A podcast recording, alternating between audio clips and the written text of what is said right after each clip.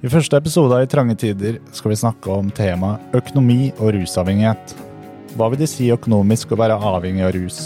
Og hvordan påvirker økonomien muligheten for å komme seg på beina igjen?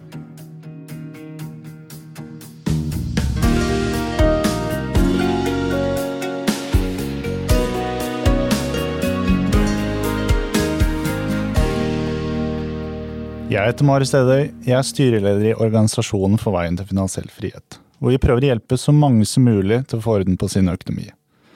Også jobbet med film og TV i flere år, og selv har jeg hatt en ødelagt økonomi, vært hekta opp dop og levd et egoistisk liv. For meg er økonomi et utrolig spennende tema, og jeg mener at mange av oss er økonomiske analfabeter. Dette vil jeg gjøre noe med. Jeg heter Guro Solin Eriksrud og ser på temaet sammenhengen mellom økonomi og livet ellers som mitt barn nummer fire. Ikke fordi jeg er spesielt opptatt av penger, men fordi jeg er opptatt av folk. Jeg har skrevet bøker, holder kurs og foredrag, og er medgründer i Frid, og der jobber vi for at så mange som mulig skal være økonomisk trygge. Vi håper at du blir med på å lytte, lære og bryte ned noen tabuer. Velkommen til podden i trange tider. I dag skal vi snakke om økonomi og rusavhengighet. Dette er et tema som står oss nær. Jeg ble selv avhengig av legemidler i starten av 20-årene, og til slutt gikk jeg over til de tyngste stoffene. Når jeg sluttet, var jeg helt ødelagt og sto igjen med massevis av gjeld. Her i studio har vi med oss tidligere programleder Sturla Berg Johansen. Hei, Sturla. Hallo. Hei. Har du lyst til å introdusere deg selv? Eller? Ja, nå syns jeg du introduserte meg veldig fint, da. Eh, men eh, ja, jeg er, eh, jeg er jo tidligere programleder, og så er jeg alkoholiker og rusavhengig. Har vært rusfri i snart 24 år. Ja, og jeg har jo hatt et opp og ned berg-og-dal-bane-økonomi. Det må jeg jo innrømme. Mm. Så, så, og I forhold til akkurat dette her, så, så, er det jo litt sånn hvordan jeg forholder meg til det, da, som har vært avgjørende, tror jeg, i, i min reise. da. Så bra, det er kult å høre. Hvilken rolle spilte økonomi i ditt liv når du var avhengig? Nei, altså, ja, det, den, det er jo dyrt. Spesielt med, med forskjellige stoffer, narkotika. Så, så, økonomi var jo viktig. Men, eh, men penger i, i, i, sin egenskap av, av å, å, skaffe meg mer midler på, på, eller flere ting, den, det har ikke vært veldig viktig for meg. Men, eh, men det er dyrt å, å ruse seg. Mm. Uh, og så syns jeg gøy med penger. Jeg har alltid syntes det var gøy med penger, men jeg, jeg, har alltid klart meg fint uten penger. Mm. Uh, men uh, det er dyrt å ruse seg, som du ja. sier. Og jeg har jo uh, jobba og blitt kjent med mange som har hatt rusproblematikk. Og jeg tror jeg har til gode å møte noen som har kontroll på økonomien samtidig, da. Uh, kan ikke du fortelle litt om, om liksom, hva det gjorde med din økonomi? Uh, ja. ja.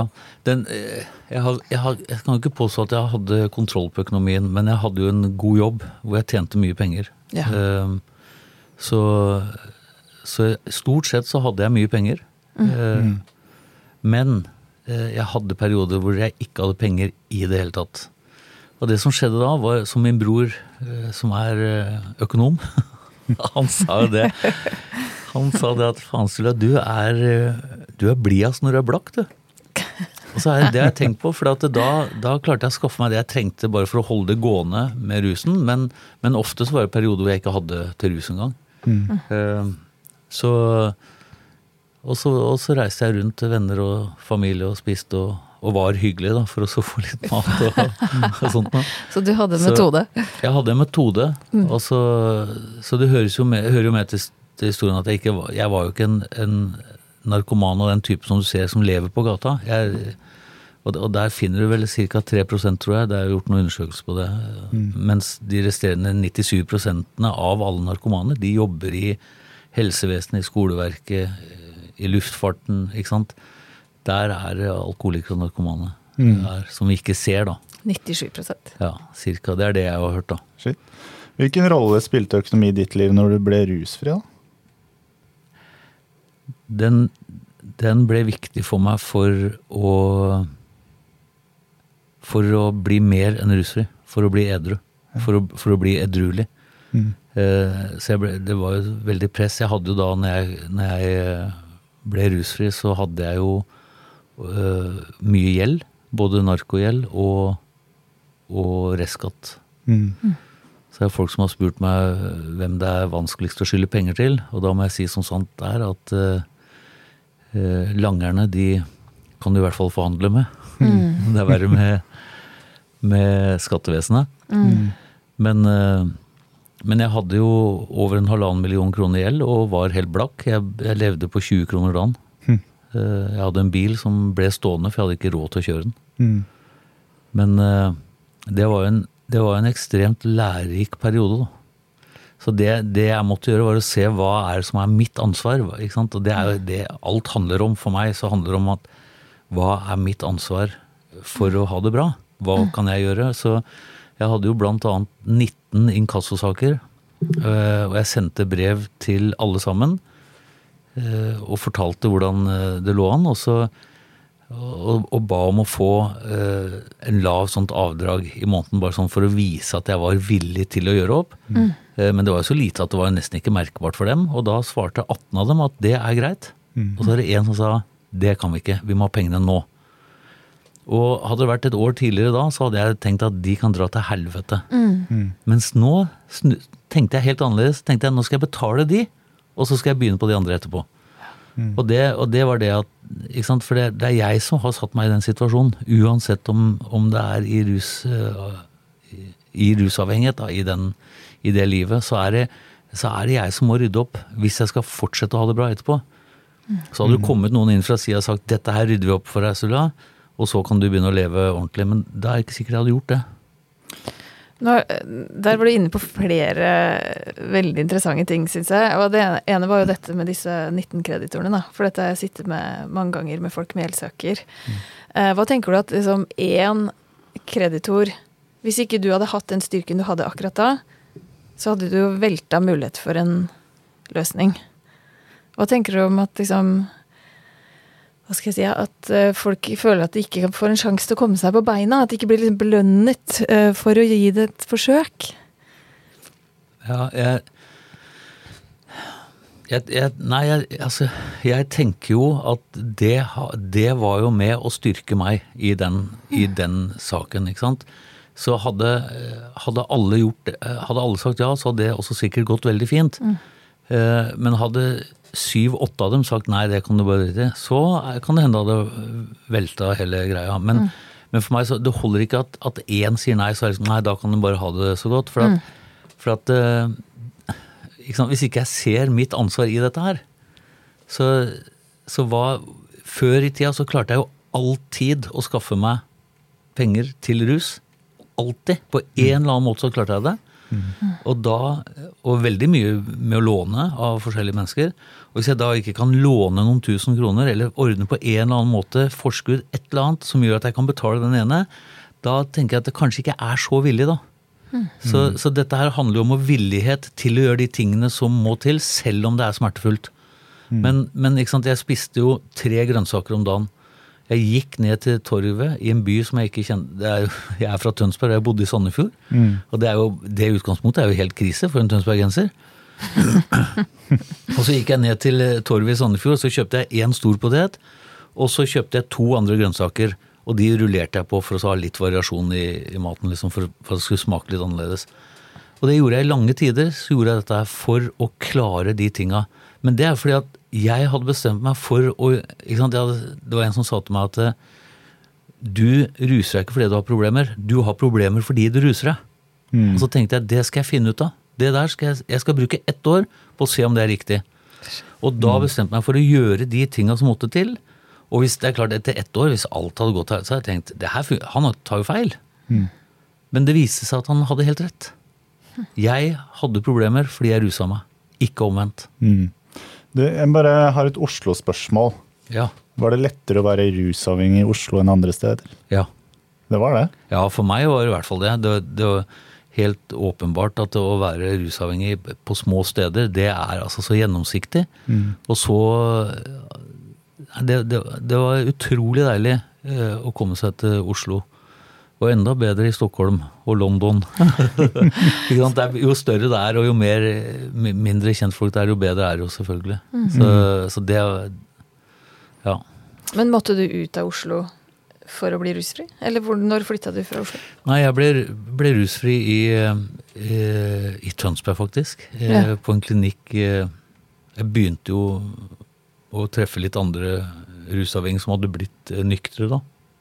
Men ja, da, det holdt jeg på med et halvt års tid, å treffe folk rundt omkring. Men, men jeg måtte inn på en klinikk, og det var i Vestfold. Der ble jeg rusfri. Og så var jeg jo da i Sandefjord i, i nesten et år. Og så flytta jeg til Oslo. Mm. Og da var jo folk veldig redde. Som er eh, Er det noe lurt? Men, men mulighetene for å holde seg rusfri er, er tilsvarende like store som å, å ruse seg i Oslo. Det er, det, er ja. folk å, det, er, flere folk som har fått det til. Flere folk å snakke med. Sånn at, eh, så, så, det er begge deler, da. Mm. Mm. Hvor lang tid tok det før du kom deg ovenpå økonomisk? Etter at du slutta å ruse deg? Ja, da må jeg stille spørsmålet hva er det å være ovenpå økonomisk? Fordi Spiser litt mer enn én potet, i hvert fall, ja, tenker jeg. Ja, ja og det, men, men, og det, og det, for det er et veldig interessant spørsmål. fordi hvis Jeg hørte en, et program på, på P2 her for noen dager siden om uh, en kar i, i, Trøndelag som hadde, han var fattig, vokste opp i en fattig familie. Og har laga en podkast eller en, en, radioserie om det. Uh, og hvordan de beskriver Hvordan moren hans beskriver det livet. Med det humøret og det som Hvordan hun Det var veldig mye hun ikke syntes var rart i det hele tatt. Så, så spørsmålet er hvor, hvor, legger vi lista? Mm. Og det tenker jeg også sjøl når jeg var blakk. Så det handla om at jeg aksepterte at nå er det sånn. Så da må vi ut og besøke. For da har vi ikke penger til mat. Mm. Um, så å være ovenpå økonomisk for meg, det handler jo om å, å ha tak over hodet og mat på bordet.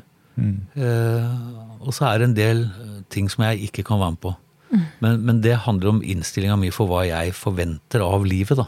Mm. Og jeg, altså jeg har jo doktorgraden i å forvente store ting i livet. Og derfor har jeg vært jævlig mye skuffa. Mm. og, og, selvmedliden. Jeg syns så synd på meg sjøl at eh, Hvorfor skal ikke jeg kjøre svær Jaguar, da? Sånn Har du noe svoger jeg som kjørte Jaguar, jeg kan også kjøre. så det, det, handler om eh, For meg da, så handler det om innstillinga til, til, hva jeg forventer i livet. Mm. Men fikk du hjelp med å jobbe med den mentaliteten? For jeg tenker det er jo en kjempereise å gå fra det du sier og, og være litt sånn lei seg fordi du ikke har Jaguar, til å liksom stå i det over tid og innse at det er masse jeg ikke kan kjøpe meg, det er masse jeg ikke kan være med på. Ja. Og i Oslo, som også er kjent for å være en veldig delt by økonomisk sett, hvordan liksom forholdt du deg til andre i den perioden der? Nei, det, det begynte jo faktisk med at jeg som eh, kjent fra TV møtte opp på sosialkontoret og sto i kø. Og så kom det en, eh, en som så meg, en som jobba der, og han ble helt sånn Jeg så han ble helt fortumla. Han kjente meg igjen med en gang. Mm. Og så sa han 'Å, skal du i møte med noen her?' Ja. 'Nei, jeg står i kø her, jeg', sa jeg. skal Jeg er blakk. 'Å, kom her, kom, for jeg har et rom her inne du kan sitte på'. Og så tenkte jeg jeg skal jo for faen ikke sitte der inne. Mm. Jeg er en akkurat nynykter, eh, alkoholisert narkoman mm. som trenger penger til vaskemaskin. Eh, kjøleskap og komfyr. Det var fem ting jeg skulle få for eh, Eller fire ting. Jeg fikk 5600 kroner, tror jeg, for å kjøpe det brukt. da. Mm. Men det var utrolig deilig, for det handler om aksept for hvem jeg er, og hvor jeg er i livet akkurat nå. Mm. Eh, og så har jeg fått masse hjelp av andre mennesker til å se hva er det livet handler om. Hva er det som er viktig i livet mitt? Eh, og, og, og, for meg så er det veldig lite utenfor meg selv som er viktig lenger. Eh, bortsett fra familie, selvfølgelig. Men av ting og tang, da. Mm. Så, så, det handla jo før så handla Og det er mye av den frykten jeg bar på. Frykten for å ikke få det jeg uh, trengte. Mm. Eller frykten for å ikke få det jeg tror jeg trenger. Det syns jeg er interessant. Mm. Hvordan uh, var økonomien din før du begynte å ruse deg? Nei, den, den Det var jo Den var bedre enn jeg rusa meg, for å være helt ærlig. Jeg lånte jo Jeg var jo veldig rørete med penger. Mm. Ikke noe flink til å spare, og brukte i forskudd og, og fant jo på mange Hadde jo mange ideer og, og tjente litt penger her og der, men, men det var rotete. Uh, og jeg er jo økonomisk analfabet. Det er en beskrivelse, god beskrivelse på meg. Syns jeg var en fin, fin greie. Men du sa du lånte mye penger privat også. Ja. Hvordan var det for deg? Har du klart å betale det tilbake? Ja, jeg betalte alltid tilbake. Jeg lånte av foreldrene til venner, jeg lånte av venner, og jeg, og jeg måtte låne av de for å betale de. og Det, altså, mm. det var et sånt eh, svare helvete, for å si det rett ut. Mm. Eh, jeg lånte i banken, og da ble jeg anbefalt av en økonom å, bare droppe det, fordi at jeg var for ung til å få det lånet. Men hun som, som hadde gitt meg lånet, hun hadde Jeg hadde en idé jeg trodde jeg skulle tjene penger på. Eh, hun hadde tillit til meg, og den kunne jeg ikke svikte. sånn at jeg har jo alltid gjort opp for meg så godt jeg har kunnet. Mm. Og i banken så gjorde jeg det. Jeg, jeg betalte tilbake alle pengene. Eh, men eh, Nei, det har vært Akkurat økonomi har ikke noe det, ikke mye, det, var ikke mye. Jeg gikk jo handelsskolen. Ja. Hadde jo økonomi. Jeg husker jeg debit og kreditt og fy faens oldemor. Jeg holdt på å klikke. Altså, det var ikke noe for meg. Nei, jeg, jeg kan kjenne meg igjen, da. Eh, jeg føler at min økonomiske Altså at jeg er økonomisk analfabet, det går helt tilbake til barndommen min. Jeg ja. lærte ikke å styre penger. Eh, vi snakka ikke om penger hjemme. Hvordan var det for deg? Nei, vi snakka vel ikke så mye om det, vi heller. Faren min er jo, eller var, han eh, var lærer i sosial- og bedriftsøkonomi. Mm. Jeg tror det eneste økonomiske rådet jeg har fått av han, er når du tar opp et lån, så lån nok til å spise biff resten av uka. fordi, at, eh, fordi at han var en livsnyter. Eh, han var Men han var jo veldig sparsommelig. Han, han gikk i tresko og jeans og, og en skjorte og, og, brukte Han elska å stå på kjøkkenet og lage mat, og han hørte musikk. Mm. Eh, og en sjelden gang så tok han seg en whisky og kosa seg med det. Ja. Eh, kjøpte alltid pocketbøker, for han skulle lese innholdet. Han brød seg ikke om åssen de så ut i bokhylla. Mm. Så han var en, eh, en nøktern fyr på den måten, da. Men, mm. men åssen han kunne være lærer i bedrifts- og sosialøkonomi, det er for meg Men nå kan jo ikke jeg noe om det, så det, men jeg syns det er rart. Ja. For det høres ikke ut som det var helt den mentaliteten du adopterte. Du ville noe litt større, høres det ut som. Ja, altså, ja, i forhold til å få til noe. Eller? Ja, jeg tenker dette med ideer og behovet ja, ja. for større ting og Ja, jeg drømte, om, å, jeg drømte om mye penger og, mm. og sånt noe.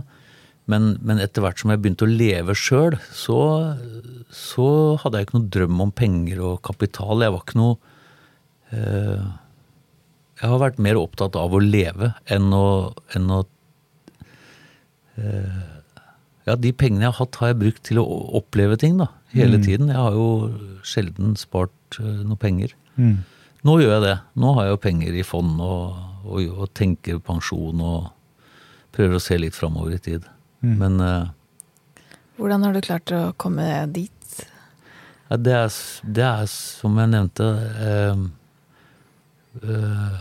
å, å, å, tenke annerledes. Om livet og om, om framtida, om hva om ja, hvordan er jeg for andre, for min familie. Og, uh, så det er, det er, det at jeg har Jeg, jeg tenker hele, hele tankesettet mitt er snudd. Uh, og er, jeg tenker på en annen måte, da. Jeg tenker ikke hva, hva Hvorfor er det ingen som stiller opp for meg? Hvorfor kan ikke folk bare hjelpe meg? Jeg tenker altså, hva må jeg gjøre for å få det bra? Mm. For, og det jeg, tenker det er utrolig viktig, da. Mm. Eh, jeg syns det var veldig interessant det du sa om forholdet mellom svartgjeld og offentlige kreditorer som de verste, og du sa du hadde masse skattegjeld. Ja. Hvordan løste du det? Nei, det, det er jo en, egentlig jævlig fin historie, fordi uh, før jeg ble rusfri, så, så, hadde jeg en krangel med skattesjefen i Tønsberg. En sånn skikkelig krangel. Han ville ha 60% av alt jeg tjente, og jeg sa du kan få 40 og så ble det jo etter at Vi krangla så busta føyk. Og så, og så, sier jeg at du får 40% ellers så går jeg ut døra her, og så er jeg konkurs, og så får du ikke noen ting. Så nå kan du velge. Mm. Og da så jeg sikkert helt sinnssyk ut, så sånn, det er greit, vi tar 40% Og så gikk det en stund, og så fikk jeg tilbud om en jobb. Mm. Uh, så, som jeg skjønte var en del penger i, så jeg, så jeg takka ja til det. Og så kontakta jeg eh, han eh, skattesjefen, møtte på kontoret hans og fortalte da at jeg var alkoholiker og narkoman. Jeg la alle korta på bordet. Eh, og at jeg nå hadde fått en jobb. Og hvis jeg slapp å betale 40% av dette her, så hadde jeg råd til et opphold på klinikk. Og da, da hadde jeg skjønt at det nå var grensa nådd. Og da husker jeg han, han, han slang fra seg kulepennen, og så lente han seg tilbake i stolen, og så armene i kors, og så sa han Det viktigste først. Skatten tar vi siden. Så. og, så, og så var jeg på den klinikken, og da, da, skjønte jeg Jeg lærte jo mye på klinikken, og jeg skjønte at det var viktig for meg å ikke ljuge. Jeg måtte rydde opp i livet mitt for det jeg hadde gjort. ikke sant? Mm. Og jeg var redd for å begynne å ruse meg igjen, så jeg dro etter noen måneder ned til han skattesjefen igjen og fortalte at jeg hadde jobba mye svart. Mm. Men at jeg har vært rusa i mange år, og, kan, og jeg, det var helt umulig for meg å vite hvilke jobber jeg hadde gjort svart, og hvor mye penger det var snakk om. Og så sier han at men hvis du har jobba så mye svart eh, så, og vært så rusa som du, du, sier, så kan du umulig ha fått noe oversikt over det du har rett til å skrive av. Hoteller og reiser og sånn. Så sier jeg nei, det aner jeg ikke. Så jeg, nei, men skal vi bare si at det går opp i opp, da. Så setter vi en strek over hele greia. Og det, det at han gjorde det Jeg husker broren min sa det at det der er vel noe han egentlig ikke har lov til å gjøre. Men fordi han så den mellommenneskelige han, han, så mennesket bak rusen, da. Mm. Og så og det er helt klart en avgjørende del for at jeg fikk det tuppet i rumpa, da. Som, eh, mm. Til å gjøre de tinga, de riktige tinga, og ta ansvar sjøl. Mm. Så Det er rørende, og du, du ja. ble jo en real skattebetaler etter det klinikkoppholdet, du? Ble ja, det ikke det? Jo, jeg, ja. jeg, betaler min skatt med glede. Du gjør det med glede? Ja. Vet du hva, det, det, er helt fantastisk å høre, fordi at jeg jeg har jo hjulpet mange med tunge helseproblemer, og jeg har sett hvor vanskelig de, særlig de offentlige kreditorene kan være. Og jeg har dessverre en helt annen erfaring med skatteetaten som jeg fikk lyst til å, å fortelle om. Og det var um, en uh, som hadde sona en en kort dom for noen gamle forhold. Uh, det var derfor jeg kom i kontakt med han. Og han var arbeidskar, en kjernekar som virkelig prøvde å ordne opp i, i livet sitt. da. Eh, men han hadde noe gammel eh, skattegjeld. Og så fikk han dessverre kreft, og han fikk eh, klar beskjed om at han kommer til å dø innen kort tid. Og han hadde ikke betalingsevne på det skattekravet, da. Så sånn, han kom jo til å dø med det kravet. Men, men, for han så ville det bety ha noe med verdighet å gjøre, og slippe å dø med det kravet. Mm. Så, men han fikk ingen løsning på det, og vi gikk til tingretten med det. og var det vel. Eh, og han fikk altså avslag på da å få en fornuftig løsning med et skattekrav som jeg tror var 20 år gammelt når han var i ferd med å dø. Oi.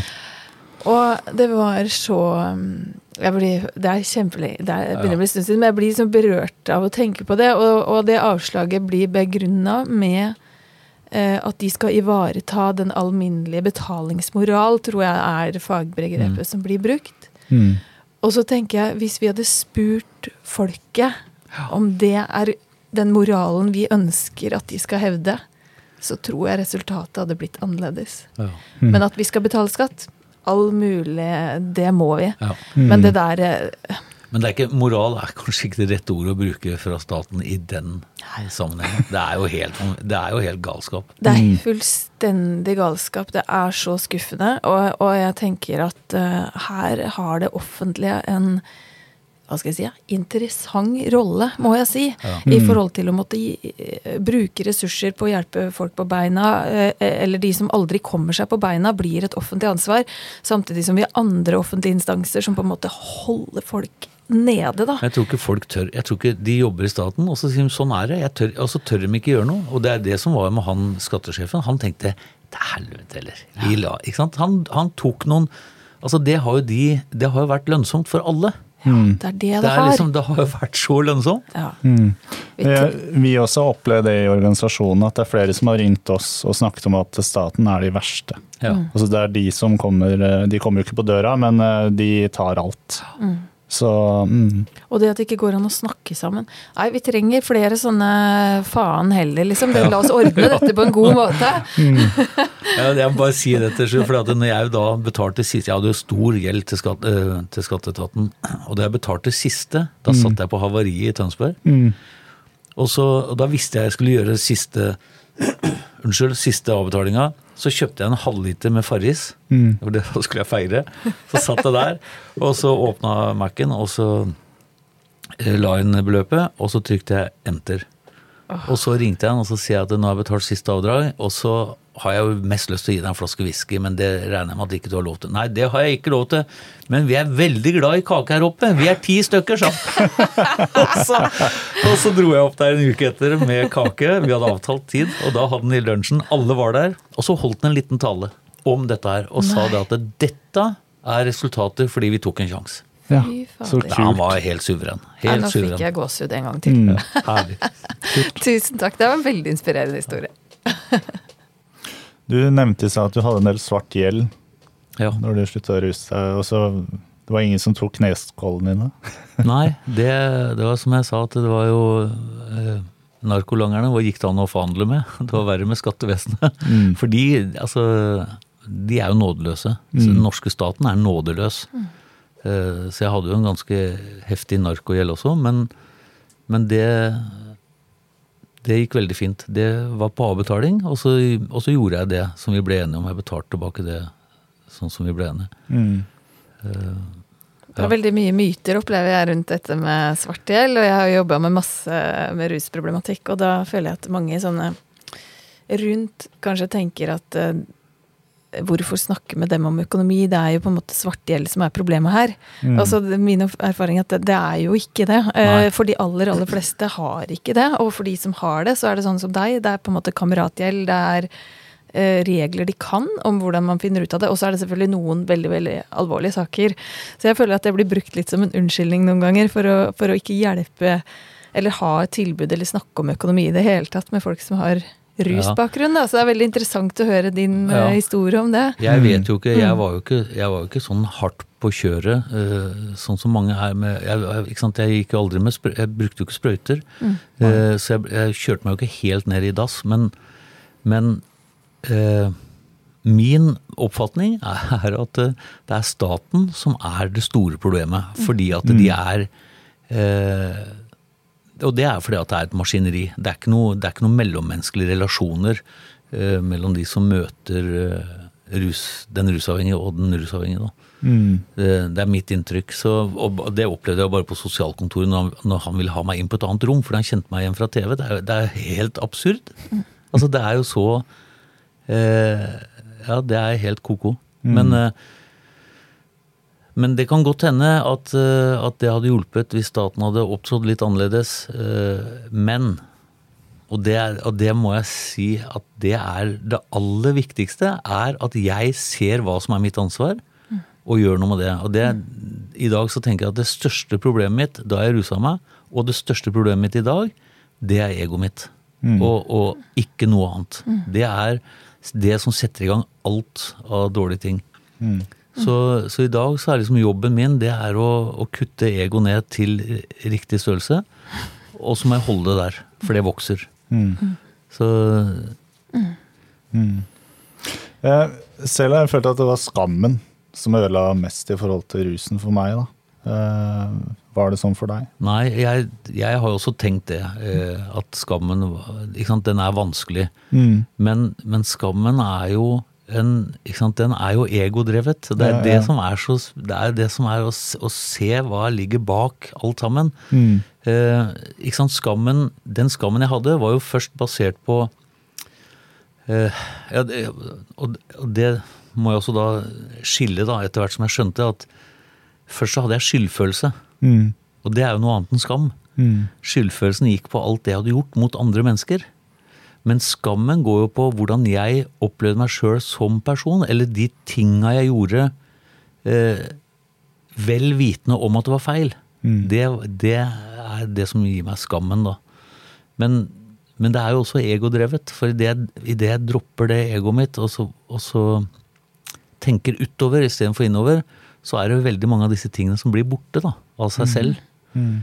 Eh, ja. Nå er vi inne på noe kjempe kjempeinteressant. Du har jo allerede sagt litt om det, men skam er den følelsen som flest snakker med meg om når det gjelder eh, økonomi, eller det å være i et økonomiske vanskeligheter, og særlig hvis man kanskje er litt i gåseøyne skyld i det selv, da, at, eh, at det er skamfullt. Mm. Kan du si enda litt mer om du har noen råd til de som nå sitter og hører på, og kjenner på skam? Altså, hvordan klarte du å liksom ikke grave deg ned i det, og heller jobbe utover? Det Stå oppreist i køa på sosialkontoret, f.eks. Det er et utrolig godt bilde. Der sto du. Ja. ja. Og, det, og det For meg så, så handla det om øh, Det tror jeg handla mest om selvhevdelse. At jeg, måtte, at jeg, hadde akseptert at sånn er det nå. Og, og jeg, hadde, jeg, hadde, jo kanskje bare noen uker, eller en uke i forkant, forstått at jeg har det best når jeg er jeg aksepterer at jeg har det sånn som jeg har det, eller jeg har satt meg i den situasjonen jeg har satt meg i. Mm. At min livssituasjon er akkurat sånn som den er nå, og ikke late som. For hele livet mitt var jo bygd på å late som. Mm. Og, da, og, det betyr ikke at jeg kan fortelle noen som, som, er, sant, som, i dag er per definisjon fattig, at de kan gjøre sånn og sånn for å ikke føle den skammen. For det, det kan jeg ikke noe om. Mm. Men, men øh, men, men, for meg så, det, så hadde jeg, så hadde jeg oppdaga hvor deilig og befriende det var å bare være seg. Vel vitende om at jeg som menneske er bra nok. Mm. Eh, og det betyr at jeg fortsatt har masse feil og mangler. Men, men, det ene er at jeg prøver å rydde opp i en del av de tinga. Og det andre er å akseptere at eh, jeg er sånn som menneske. Mm. Som alle andre. Som har masse lyter og, og karakterdefekter og alt. Eller eh, tilkortkommenheter, da. Mm. Ikke sant? Vi, vi, gjør så godt vi kan.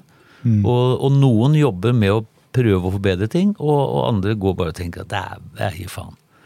Men, men, skammen eh, sant, det, det, bygger på selvbildet, da. Hvilket selvbilde har jeg av meg selv. Mm. Dag, men, så det har noe med at jeg har jobba med edruskapen. Og så har det jo sikkert en del å gjøre med at jeg er blitt så gammel at jeg jeg bryr meg ikke lenger. Det er greit å være meg. Mm. Men jeg kan kjenne meg igjen i det med skam, i hvert fall i forhold til økonomi, hvor jeg har følt meg veldig dum. Eh, økonomisk analfabet og dum, rett og slett. Ja, det har jeg også. Jeg har følt meg dum. Mm. Uh, fordi at jeg er ikke spesielt smart når det kommer til økonomi heller. mm. men, men, eh, det har på en måte vært noe for meg, da, i noe annet enn skam. Mm. Ikke sant? Jeg jeg veit ikke om det har vært et forsvar, men jeg har brukt humor på det. Jeg har egentlig gitt litt faen i akkurat det. Mm. Men jeg har jo prøvd å rydde opp i, i de tinga. Og det, og det har jeg lyst til å si Jo, jeg skal gi ett uh, som jeg mener er helt eh, universelt. universelt. hver gang man tar et skritt fram, så får man det bedre. Altså ta et skritt fram. Altså hver gang jeg tar ansvar. Hvis jeg bare har 1% av skylda for en, en situasjon jeg havna opp i, mm men så har jeg 100% ansvar for den ene prosenten. Og hvis jeg fokuserer på den ene prosenten, så får jeg det umiddelbart bedre. Mm. Instant. Det er altså med en gang. Mm. Uh, og de andre 99% av de får jeg ikke gjort noe med. For det er noen andre som har ansvar for. Mm. Nå er det sjelden at jeg har bare 1% ansvar for en greie jeg havner oppi, men, men det er et godt bilde på det. Så, så, hvis jeg tar 100% ansvar for det som er mitt, så, så får jeg det bedre med en gang. Mm. Hver eneste gang. Det syns jeg var utrolig godt sagt, det må mm. jeg si, altså. Og, og det derre, ja, bind med et skritt. Mm. Og, og der tenker jeg vi kan liksom gå litt inn for landing, for det er noen som er i en kan kjenne seg litt igjen i din historie. og De kanskje sliter med avhengighet, eh, økonomi, kanskje relasjonene sine, kanskje selvbildet sitt, og så aner ikke hvor de skal begynne. Har du lyst til å komme med en avsluttende replikk rundt ja, det? Begynn med å snakke med noen. Ja. Mm. Utenforskapet er, eh, skyldes at vi sjøl har definert oss utenfor. Mm. Og når vi skjønner det, så kan vi begynne å definere oss inn. Så begynn å snakke med ett menneske du har tillit til, og så begynner ballen å rulle. Mm. Fantastisk. Veldig godt råd. Jeg ble litt rørt, jeg. Ja. Tusen, tusen takk for at du ville komme og dele denne historien med oss. Takk for meg. Eh, det var, det var hyggelig. Tusen takk, Sturla. Vi håper dere likte denne episoden. Og har du noen spørsmål, egne erfaringer, tanker eller hva som helst, så legg igjen en kommentar på Vårt Oslo sin Facebook- eller Instagram-side. Vi ses neste lørdag for en ny episode av I trange tider.